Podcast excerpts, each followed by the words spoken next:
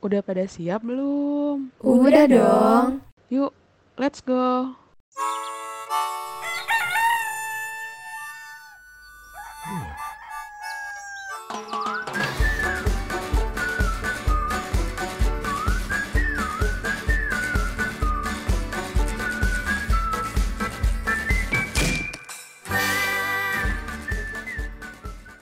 Halo Femkos. Sekarang kamu lagi dengerin iPod. IKK Podcast.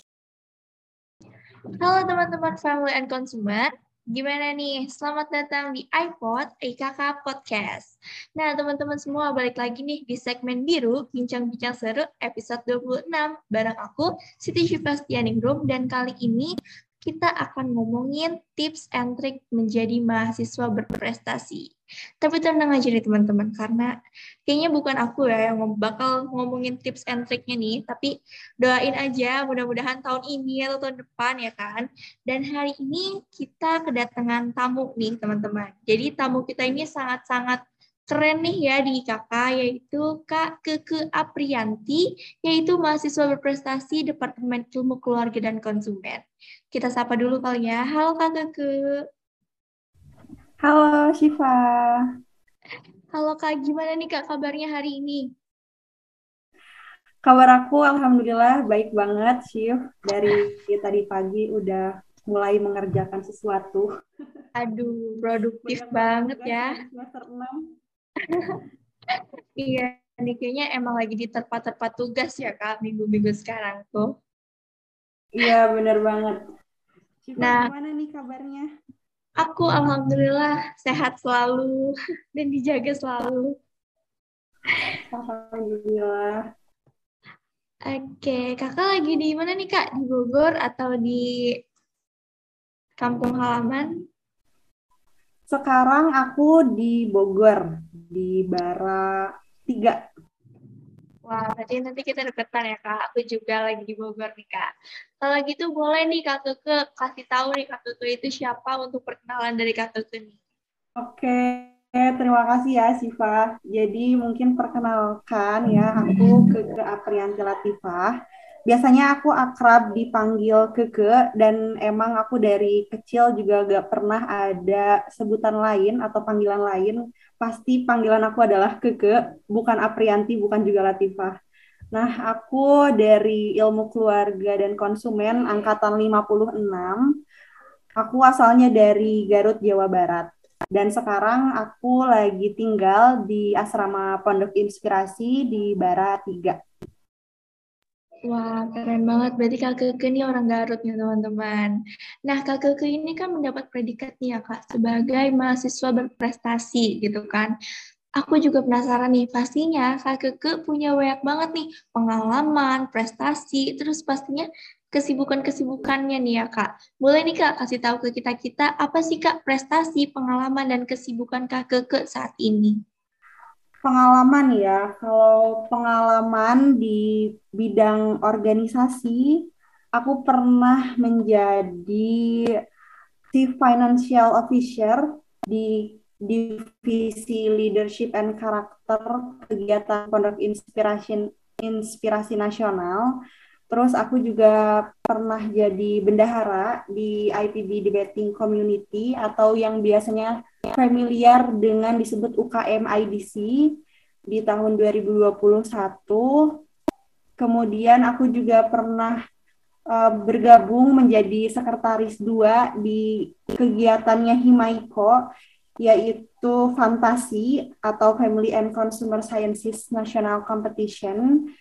Kemudian di tahun 2021 aku pernah menjadi ketua divisi pengembangan dan sumber daya manusia di Himpunan Mahasiswa Garut. Dan untuk saat ini aku masih sama juga mengurus Himpunan Mahasiswa Garut, tapi menjadi wakil ketua umum Himaga. Kemudian aku juga pernah bergabung menjadi ketua divisi humas di kegiatan Escape atau Expanding the Capabilities. Dan aku juga menjadi kotor bidik misi Departemen Ilmu Keluarga dan Konsumen Angkatan 56. Kemudian kalau dari pelatihan-pelatihan yang pernah aku ikuti, aku pernah mengikuti pelatihan bidang manajemen resiko dari IRMAPA atau Indonesia Risk Management Professional Association dan itu aku udah tersertifikasi ahli pada tahun 2021. Terus aku juga pernah menjadi fasilitator di kegiatan Leadership Academy Indonesia yang diselenggarakan oleh pemimpin ID. Kemudian aku juga pernah menjadi fasilitator di kegiatan Fondasi Coaching Movement di programnya Pondok Inspirasi bersama dengan Fanaya Indonesia. Fanaya Indonesia itu adalah organisasi yang berkecimpung di dunia coaching.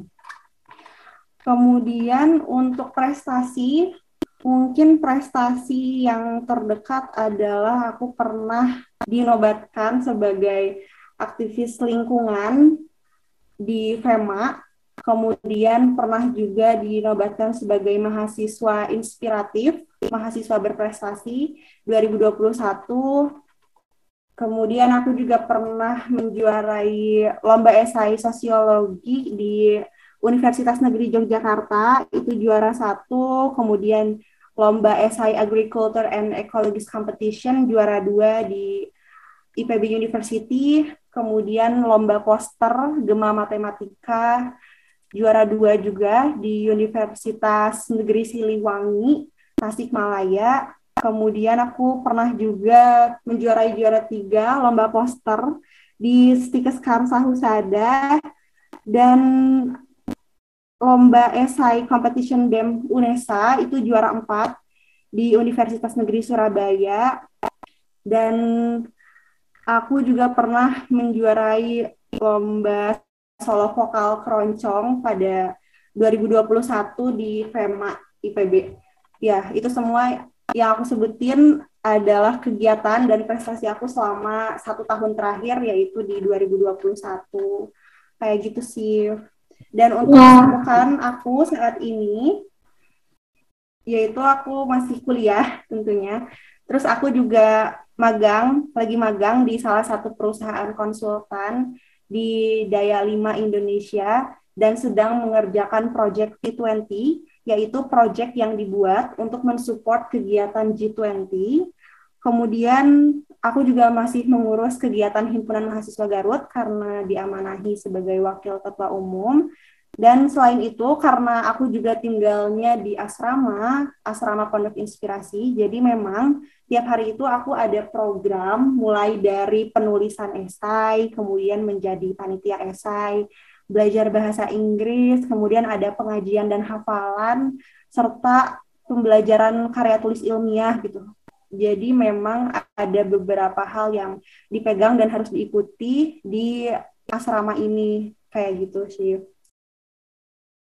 Wah, aku sampai dari tadi wah-wah mulu nih Kak, karena banyak banget ya ternyata Kak dari mulai tadi apa namanya pengalaman organisasinya yang pernah jadi bendahara, terus pernah jadi humas juga, terus jadi koor, jadi kadim, jadi wakil ketua. Jadi kayak banyak banget gitu bidang-bidang yang pernah kakak apa ya pengalaman kakak di berbagai bidang gitu ya kak. Nah ini juga kakak pernah dinobatkan sebagai aktivis lingkungan kan ya, terus mahasiswa inspiratif, ih keren banget sih kak parah.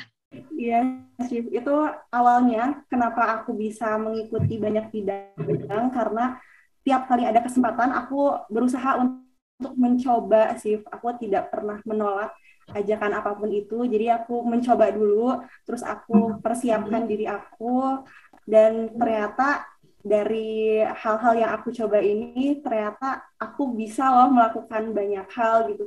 Jadi jangan jangan sampai kita itu mengunderestimate diri kita sendiri gitu. Kita buktikan aja dulu gitu. Kita coba aja dulu gitu. Kalau ada kesempatan kenapa enggak gitu dicoba aja dulu kayak gitu sih. Wah, keren-keren. Berarti teman-teman semua nih dicoba aja dulu ya. Karena Kak Keke nih dari coba-coba nih udah jadi segudang nih prestasinya ya Kak.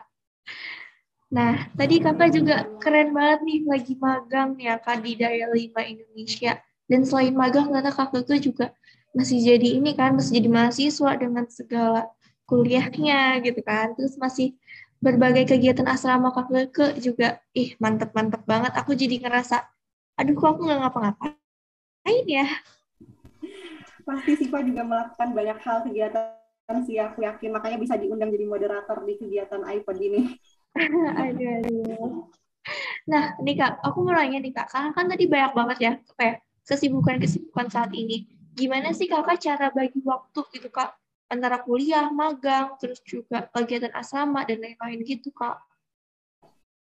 Hmm, oke. Okay. Cara membagi waktu, aku biasanya tiap pekan itu membuat to-do list.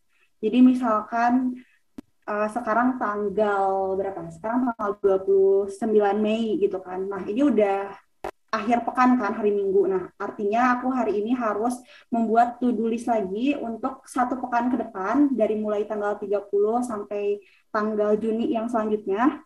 Jadi aku tulis dirinciin per hari, misalnya hari Senin aku harus mengerjakan tugas kuliah ABC gitu. Terus tugas magang yang ABC, tugas asrama yang ABC gitu. Karena biasanya di tugas kuliah kan ada deadline, terus di magang juga ada deadline, terus di asrama juga sama ada deadline. Nah, kita bisa milih deadline itu mana yang paling penting, mana yang paling mendesak, kita coba plot-plotin per hari gitu. Terus kalau misalkan ternyata ada hal yang tiba-tiba mendadak, tapi ternyata penting dan juga mendesak, jadi mau gak mau aku biasanya coba geser-geser jadwal yang udah aku bikin gitu.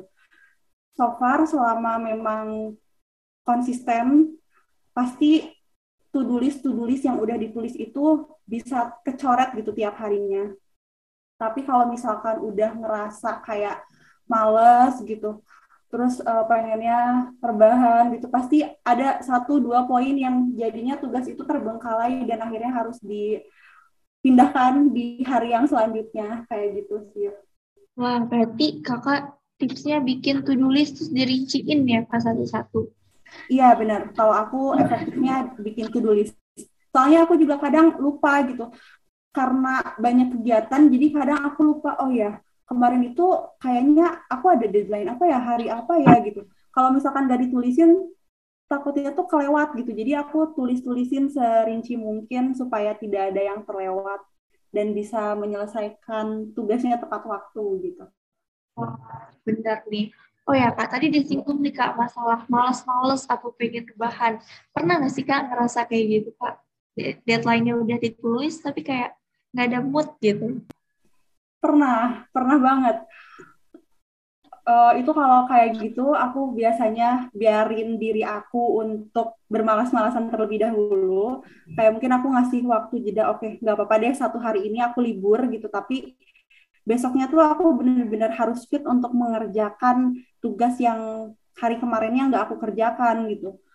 Soalnya kalau misalkan aku tetap mengerjakan, sedangkan kondisi aku ya tuh lagi bener-bener gak mungkin gitu kayak pengennya rebahan gitu. Aku tuh nggak bisa fokus jadi ya udah aku biasanya menikmati untuk uh, diri aku bersantai sejenak atau enggak biasanya kalau misalkan lagi mode males aku keluar untuk main gitu sama teman-teman supaya aku juga bisa lebih ke bawa lagi gitu energi positifnya. Karena aku tuh tipe orang yang emang kalau misalkan bertemu sama teman-teman banyak terus teman-teman juga uh, banyak obrolan, aku biasanya lebih ke charge lagi energinya. Jadi aku bisa apa ya, bisa melakukan hal-hal yang mungkin sebelumnya aku ngerasa capek gitu.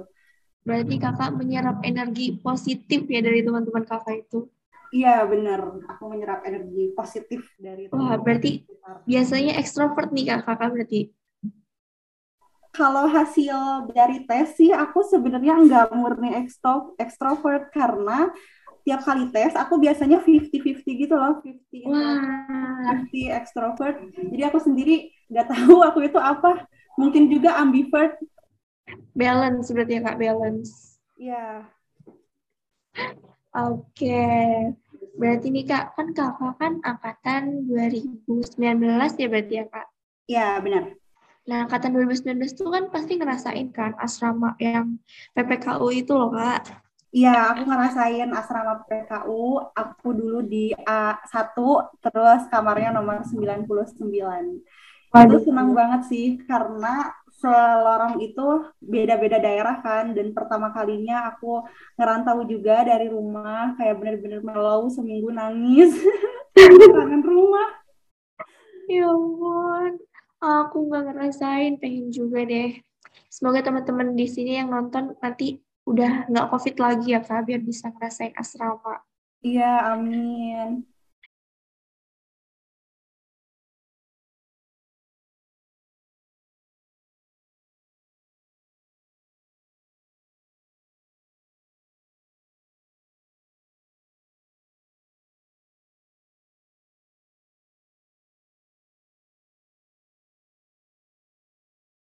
Hmm, kalau cara berprestasi di masa pandemi kemarin aku ya 2021 itu aku malah merasa tidak ada yang terbatasi sih soalnya semua kegiatan yang aku lakuin itu ya online.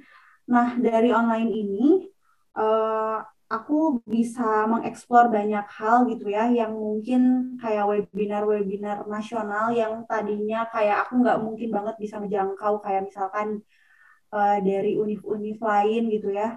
Tapi tuh selama online aku bisa jadi mengikuti hal tersebut dengan gratis dan tanpa perlu eh, apa ya memerlukan biaya yang banyak untuk transportasi gitu. Aku tinggal buka laptop, terus join Zoom, aku bisa mendapatkan banyak ilmu dan juga eh, hal-hal lain gitu selama online ini. Dan kalau dari faktor internal internal, aku sendiri emang suka banget berkegiatan, terus orang tua aku juga support.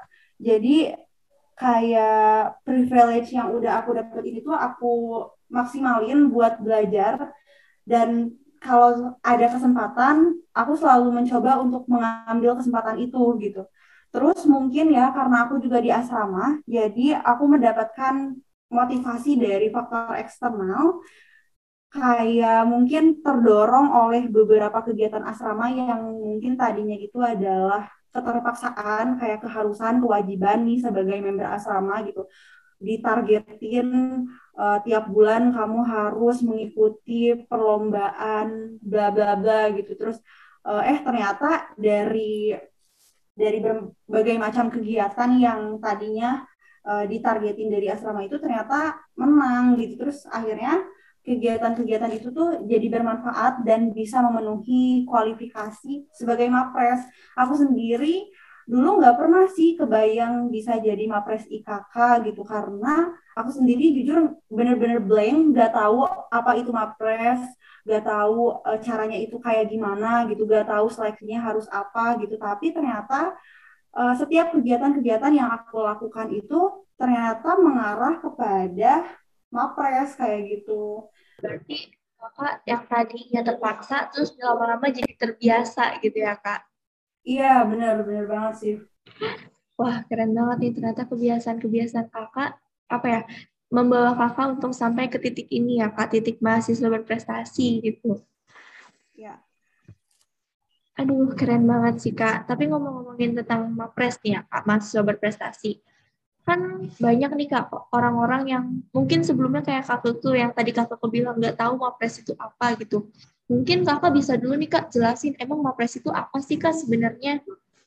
Mapres itu ya, Mapres itu adalah mahasiswa berprestasi, mahasiswa pilihan dari setiap departemennya masing-masing yang kemudian nantinya itu diambil satu perwakilan dari dari satu departemen, kemudian akan di akan di apa ya akan di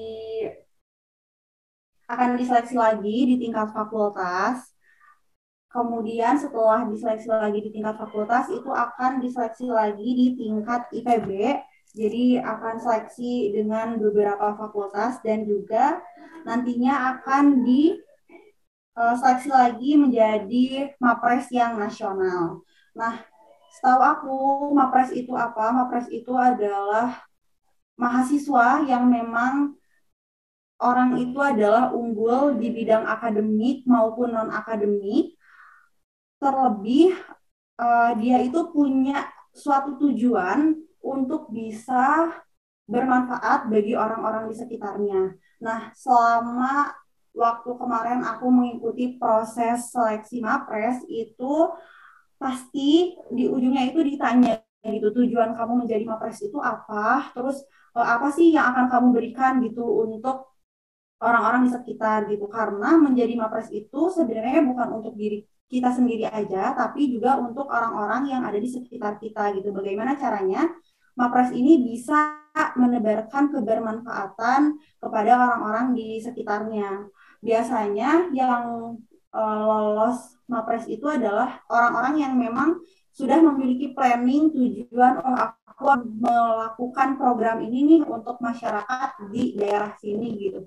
Oh ternyata masyarakat di daerah sini itu memerlukan ini gitu. Aku akan memberikan uh, suatu pelatihan atau suatu program kepada orang tersebut di daerah tersebut supaya orang-orang yang ada di daerah tersebut itu bisa maju lebih ke seperti itu sih sih. Wah, berarti ujung-ujungnya Mapres ini ternyata bukan cuma titel ya, Kak. Bukan cuma ngomong, oh dia Mapres gitu. Ternyata Mapres harus punya tujuan nih teman-teman. Kayak tujuan bermanfaatnya tuh untuk sekitar ya, Kak. Wah, ya, ngomong... Nih Kak, tadi kan bilang nih Kak, seleksi Mapres tuh panjang gitu ya, dari departemen, seleksi lagi ke fakultas, ke IPB, sampai akhirnya harus diseleksi ke nasional. Nah, emang seberapa besar sih Kak peluang jadi mahasiswa berprestasi? Kalau seberapa besar peluang untuk menjadi mapres, itu aku rasa tiap orang pasti punya peluang ya. Pasti punya peluang dan peluang selalu ada, terbuka untuk siapa pun yang emang mau menjadi mapres. Tinggal bagaimana teman-teman itu bisa memenuhi kriteria awal untuk bisa mengikuti seleksi mapres atau enggak gitu.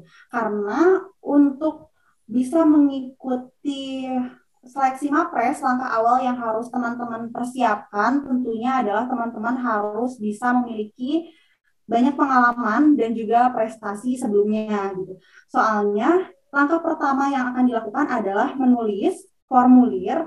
Nah, formulir ini isinya adalah uh, pengalaman di bidang kategori kompetisi, kompetisi Terus di kompetisi ini juga ternyata bukan hanya sembarang kompetisi, tapi kompetisinya itu harus yang tingkat internasional atau enggak nasional atau enggak yang tingkat regional gitu. Kalau yang misalkan tingkat kampus atau kompetisinya tingkat fakultas atau lagi departemen, itu biasanya tidak begitu dihitung sebagai uh, poin yang besar gitu ya, poin yang unggul gitu. Jadi memang uh, untuk nomor satunya itu kita harus mempersiapkan kita mengikuti kompetisi di tingkat internasional atau nasional. Terus yang kedua adalah kita harus memiliki pengakuan. Pengakuan ini adalah kegiatan yang memang kita ini diakui sebagai apa nih di masyarakat atau lingkungan sekitar. Misalnya, Siva pernah mengikuti kegiatan webinar di Himaiko gitu ya. Nah, webinar di Himaiko ini Shiva pernah menjadi pembicara gitu. Nah, ketika Shiva menjadi pembicara di webinarnya Himaiko itu berarti Shiva itu sudah diakui gitu oleh orang-orang sekitar bahwa Shiva ini merupakan seorang pembicara gitu. Jadi pengakuan ini bisa ditulis sebagai pembicara atau juga mungkin kalau Shiva sebelumnya pernah mengikuti pelatihan-pelatihan yang memang itu ada sertifikasinya, Siva bisa menuliskan pengakuan Siva misalkan di tersertifikasi ahli di bidang apa gitu. Terus siapa nih yang menyelenggarakannya gitu. Terus ini juga sama, pokoknya uh, harus tingkat internasional atau enggak nasional supaya bisa masuk ke dalam skor penilaian Pilmapres. Nah, kemudian poin yang ketiganya itu adalah penghargaan. Jadi, teman-teman harus bisa memiliki penghargaan, baik itu penghargaan dari kampus ataupun penghargaan dari luar kampus gitu. Penghargaan itu seperti apa? Penghargaan itu misalkan eh, hal-hal uh, yang memang dinobatkan gitu, seperti misalnya uh, dinobatkan sebagai aktivis lingkungan gitu, dinobatkan sebagai mahasiswa inspiratif, hal-hal uh, yang seperti itu. Terus juga tentunya teman-teman juga harus punya skill berorganisasi. Jadi organisasi ini juga salah satu hal yang penting banget yang bisa teman-teman persiapkan gitu mulai dari sekarang teman-teman bisa mencoba ikut berbagai organisasi dan juga kepanitiaan dan hal ini uh, tentunya teman-teman harus bisa mengambil peran yang inti maksudnya peran yang inti itu adalah teman-teman ketika mengikuti organisasi atau kepanitiaan itu teman-teman jangan uh, hanya berada di level uh, apa ya anggota gitu. Misalkan dari teman-teman ikut divisi ini udah di divisi terus teman-teman bukan jadi ketua divisi ataupun sekretaris divisi tapi teman-teman tuh anggota gitu. Nah, kalau hanya anggota itu biasanya tidak terhitung skor di Pilmapres. Jadi memang di organisasinya teman-teman itu harus mengambil yang inti seperti teman-teman jadi ketua, jadi wakil, jadi bendahara, jadi sekretaris atau paling minimal banget itu jadi ketua divisi gitu. Nah, terus teman-teman juga harus memiliki hasil karya. Nah, hasil karya ini bisa berupa jurnal atau karya tulis seperti buku dan karya-karya lainnya gitu yang memang itu dipublikasikan dan juga ada yang mempublishnya itu lembaga yang mempublishnya itu siapa gitu. Terus yang terakhir, syarat yang terakhir itu adalah kategori pemberdayaan atau aksi kemanusiaan. Jadi di kategori ini teman-teman udah melakukan apa aja nih gitu untuk masyarakat sekitar gitu. Uh, apakah teman-teman pernah uh, menjadi volunteer dalam kegiatan kerja bakti misalkan atau enggak teman-teman pernah menjadi volunteer dalam proyek apa gitu untuk memberantas uh, apa stunting misalkan atau apa gitu. Jadi memang ini tuh sangat komplit mulai dari pengalamannya itu ada enam gitu dan rata-rata semuanya itu yang dihitung skor adalah yang tingkatan nasional sama internasional terus yang minimal banget adalah regional kayak gitu sih Wah, berarti ya. untuk daftar jadi mapres itu banyak banget ya kak. Maksudnya kayak harus uh, kompeten dalam berbagai bidang gitu ya. Kayak harus paket lengkap ya bener-bener. Iya bener banget, banyak banget kategorinya gitu. Nah tapi uh, sebenarnya tidak perlu di banyak bidang juga nggak apa-apa sih, karena uh, misalkan Shiva sukanya di bidang esai ini gitu. Nah ya udah Shiva tekuni aja bidang esai semuanya gitu, nggak apa-apa banget. Uh, terus kalaupun kak gimana sih kalau misalkan ada beberapa kategori yang kosong, uh, terus nggak nggak kita isi gitu ya semuanya boleh gak gitu untuk tetap daftar untuk tetap daftar mapres. Nah, pasti boleh banget gitu ya tapi memang kan ini uh, di di akhir itu akan diakumulasi total skornya. Jadi kalau misalkan teman-teman emang pengen uh, maju ke babak selanjutnya ke tahapan fakultas dan juga IPB pasti teman-teman harus memiliki skor yang tinggi. Nah untuk bisa memiliki skor yang tinggi tentunya teman-teman harus bisa memenuhi uh, sebanyak-banyaknya kategori yang ada di formulir Pilmapres gitu. Terus setelah teman-teman mengikuti apa atau mengisi formulir itu nanti teman-teman bakalan uh, mengikuti seleksi yang selanjutnya yaitu ada proses interview dan juga tes psikologi yang langsung uh, ditangani oleh psikolog gitu. Jadi uh, tesnya itu bukan tes tertulis, tes psikolognya itu tapi langsung kita diajak ngobrol oleh seorang ahli psikolog seperti itu. Oke, berarti buat teman-teman Famkes nih boleh banget ngisi semuanya ya Kak, berbagai bidang. Atau boleh juga nih fokus ke satu, yang penting fokus gitu ya Kak. Iya, benar banget sih. Oke, tadi kan kita udah tahu nih ya teman-teman, kalau misalnya jadi Mapres itu harus ngisi formulir nih dengan pengalaman, terus pengakuan, penghargaan, skill organisasi, hasil karya sampai uh, aksi-aksi manusia nih dihitung-hitung. Terus juga nggak berhenti sampai situ ada interview dan juga tes psikologi. Wah, berarti kita udah tahu nih ya step by stepnya gimana jadi Mapres. Tapi nih Kak, uh, boleh nih Kak, di spill mungkin biasanya pemilihan Mapres tuh kapan sih gitu? Barangkali ini ada teman-teman yang mau mulai siap-siap nih Kak. untuk Pilmapres itu dulu uh, bulan Desember. Bulan Desember itu di apa ya di pertengahan kalau nggak salah pertengahan Desember sih. Jadi pertengahan Desember itu sudah ada info-info terkait pendaftaran menjadi mapres di tingkat departemen. Terus uh, nanti selanjutnya ma masuk ke tingkat fakultas gitu mungkin bisa dikepoin juga ya ke dosen-dosen gitu apakah di departemen IKK ini sudah ada penyeleksian mapres atau belum gitu di bulan Desember soalnya waktu Desember 2021 lalu aku itu dihubungi sama Ibu Rizda untuk mencoba daftar mapres gitu jadi sepertinya info mapres di departemen IKK itu uh, pusatnya itu di di dosen ya. Jadi mungkin teman-teman bisa aktif aja gitu bertanya apakah sudah ada pembukaan pendaftaran mapres atau belum gitu. Oke, berarti ini teman-teman Femkos boleh langsung tanya nih dosennya masing-masing ya, kali aja lagi pas ada gitu. Oke, mungkin ini pertanyaan dari aku sih Kak, karena aku kepo, dan mungkin orang-orang lain juga kepo. Apakah jadi mapres itu IPK-nya harus bagus? Gimana nih Kak? IPK ya, kalau IPK itu memang ada IPK minimum supaya bisa daftar MAPRES. Kalau nggak salah, untuk bisa menjadi MAPRES itu minimalnya adalah tiga, aku lupa ya, aku lupa antara tiga atau enggak 3,3 gitu, pokoknya sekitaran itu aja.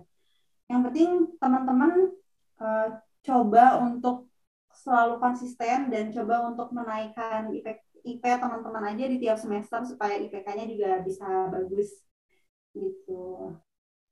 Ini ya teman-teman, mungkin itu kisaran sekitar tiga ya, tapi untuk info lebih lengkapnya nanti silakan hubungi dosennya masing-masing. Iya benar. Oke. Okay. Nah tadi kan kita udah dikasih tahu nih sama Kak Keke apa aja sih cara-caranya untuk ikut seleksi MAPRES, terus peluangnya itu ternyata setiap kita tuh punya peluang yang sama ya kak? Iya benar banget punya peluang yang sama karena ini kan ditujukan untuk siapa pun kan siapa pun yang menjadi mahasiswa gitu jadi ya karena kita semua punya identitas sebagai mahasiswa jadi pasti kita semua punya peluang untuk bisa menjadi mapres. Wih, jadi nih teman-teman jangan jangan minder gitu ya kak mungkin ya kak untuk jadi mapres. Iya, oh. coba aja dulu. Hmm, iya benar. Coba aja dulu. Tadi Kak Keke nih dari hasil coba-coba uh, prestasinya sangat segudang nih ya teman-teman. Wah, kalau Kak Keke nih Kak, dulu persiapannya berapa lama Kak, kalau boleh tahu? Kalau dulu itu aku malah tidak ada persiapan apa pun sih, karena aku tuh nggak pernah kebayang kan untuk bisa ikutan mapres gitu. Jujur aku sendiri dulu kayak nggak pede sih sebenarnya aku ikutan mapres gitu. Soalnya aku sendiri ngerasa kayak ah, teman-teman di 56 tuh banyak banget gitu yang yang lebih bagus-bagus, lebih hebat-hebat, lebih keren-keren daripada aku gitu. Terus uh, aku tuh coba buat jadi aku nggak ikutan gitu. Terus pas Desember itu aku waktu itu kebetulan lagi di Bandung sama teman aku Ica terus uh, tiba-tiba pas aku lagi jalan-jalan di Bandung aku dicat sama Bu Rizda kayak uh, ke kamu coba ya daftar mapres gitu ini isi aja formulirnya gitu. Terus aku mikir kayak aku jawab apa ya? Ke Bu Rizda gitu. Soalnya uh, aku masih belum percaya diri gitu pada saat itu. Terus sampai terus aku bilang kayak gini kan iya ibu saya coba pikir-pikir dulu gitu kan. Uh, terus aku aku cuma balas kayak gitu. Terus abis itu aku udah nggak kepikiran sama sekali lagi untuk mengisi formulir itu gitu. Terus ternyata pas udah seminggu kemudian aku tuh dicat lagi sama Bu Rizda kayak ke gimana? Kamu udah ngisi formulirnya? gitu. Udah dikirimkan ke email saya. Terus aku kayak eh kok Bu Rizda malah ngecat lagi ya? gitu. Uh, udah gitu ini udah men, apa udah mepet banget. Terus terus kan Burisda itu dulu minta untuk tiga hari setelah Burisda ngirim pesan itu aku udah ngirimin formulir aku kan. Tapi ini tuh malah udah malah udah lebih dari tiga hari setelah deadline itu ternyata malah dihubungi lagi gitu. Terus aku bilang kayak gini bu uh, ini deadline-nya udah habis loh bu gitu. Aku bilang kayak gitu kan. E, emang masih bisa daftar? gitu kan. Aku bilang gitu. Iya nggak apa-apa isi aja gitu formulirnya. Terus ya udah aku aku pikir kayak ini kayaknya kesempatan yang bagus sih kata aku. Soalnya uh, apa ya meskipun udah lewat dari deadline gitu tapi aku masih diperbolehkan untuk mengisi formulir ini gitu. Ya udah kapan lagi gitu kan aku coba-coba. Ya udah aku coba aja. Aku isi formulirnya terus uh, aku kirimin deh ke email ke email Burisda terus pas udah gitu gak lama dua hari kemudian deh kayaknya dua hari kemudian aku dihubungin lagi dan dibilangin kalau aku sama Anissa dari angkatan 57 itu terpilih sebagai uh, perwakilan Mapres IKK untuk bisa mengikuti seleksi jenjang yang selanjutnya di tingkat fakultas kayak gitu. Dan uh, pada saat itu aku baru mencoba mempersiapkan diri untuk tes interview dan juga tes psikologinya gitu untuk tes interviewnya itu sendiri karena waktu itu hanya dilaksanakan empat hari, ada empat rangkaian terus empat hari. Nah itu aku benar-benar mempersiapkannya selama empat hari itu aja gitu di sela-sela kuliah karena itu juga bukan bukan saat libur gitu tapi saat perkuliahan jadi jadi aku coba untuk mempersiapkan kira-kira nanti akan ada pertanyaan apa ya yang muncul gitu. Aku coba untuk uh, apa merangkai gitu kata-kata yang yang mungkin akan aku jawab. Terus kan waktu itu juga ada beberapa pembekalan dari Mapres yang nasional dan juga Mapres IPB-nya. Aku ngikutin beberapa kali webinarnya gitu, beberapa kali pembekalannya gitu. Oh, uh, ternyata dari pesan-pesan dari kakak-kakak Mapres saat itu harus kayak gini gini gini gitu. Uh, itu aja sih paling persiapan aku singkat gitu. Terus uh, pas udah masuk ke tingkat fakultas udah deh aku gugur di seleksi itu Wah, ternyata Kak Keke nih nggak nggak dipersiapin aja jadi ya. Emang kuncinya tuh eh, nggak boleh ngelewatin kesempatan-kesempatan baik ya Kak dalam hidup kita. Karena biasanya nggak datang dua kali nih kata Kak Keke.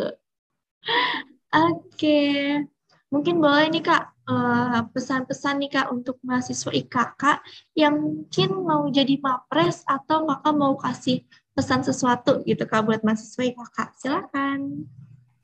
Oke, untuk teman-teman ya, apa pun dan juga bagaimanapun kondisi teman-teman saat ini, aku mengajak teman-teman untuk yuk gitu terus melakukan yang terbaik, baik itu dari segi keagamaan karena bagaimanapun kita tidak terlepas ya dari segala nikmat gitu yang udah dikasih oleh Tuhan kita. Jadi pastinya dengan untuk mempersembahkan rasa syukur kita gitu kita juga harus bisa melakukan yang terbaik dari segi ibadah.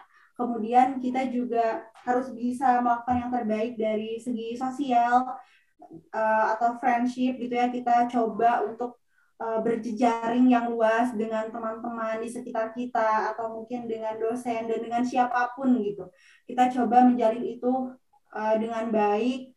Kemudian di akademik juga kita harus coba untuk belajar dengan sungguh-sungguh gitu ya. Pokoknya apa pun lah lakukan yang terbaik gitu sejauh karena sejauh ini aku ngerasa tidak ada hal kebaikan yang itu sia-sia gitu. Jadi pasti di akhir itu kita akan menemukan pola-pola mengapa kita ada di posisi ini sekarang gitu.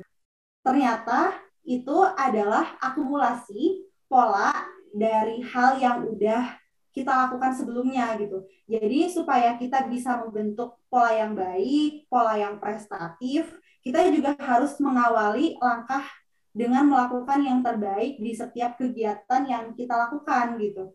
Terus kalau misalkan ada kesempatan teman-teman nih, teman-teman IKK, jangan dulu overthinking, pokoknya ambil aja dulu kesempatannya, karena kalau kesempatan bagus itu katanya tidak akan datang dua kali, jadi kalau ada kesempatan ya ambil aja, terus jangan lupa dipersiapkan gitu.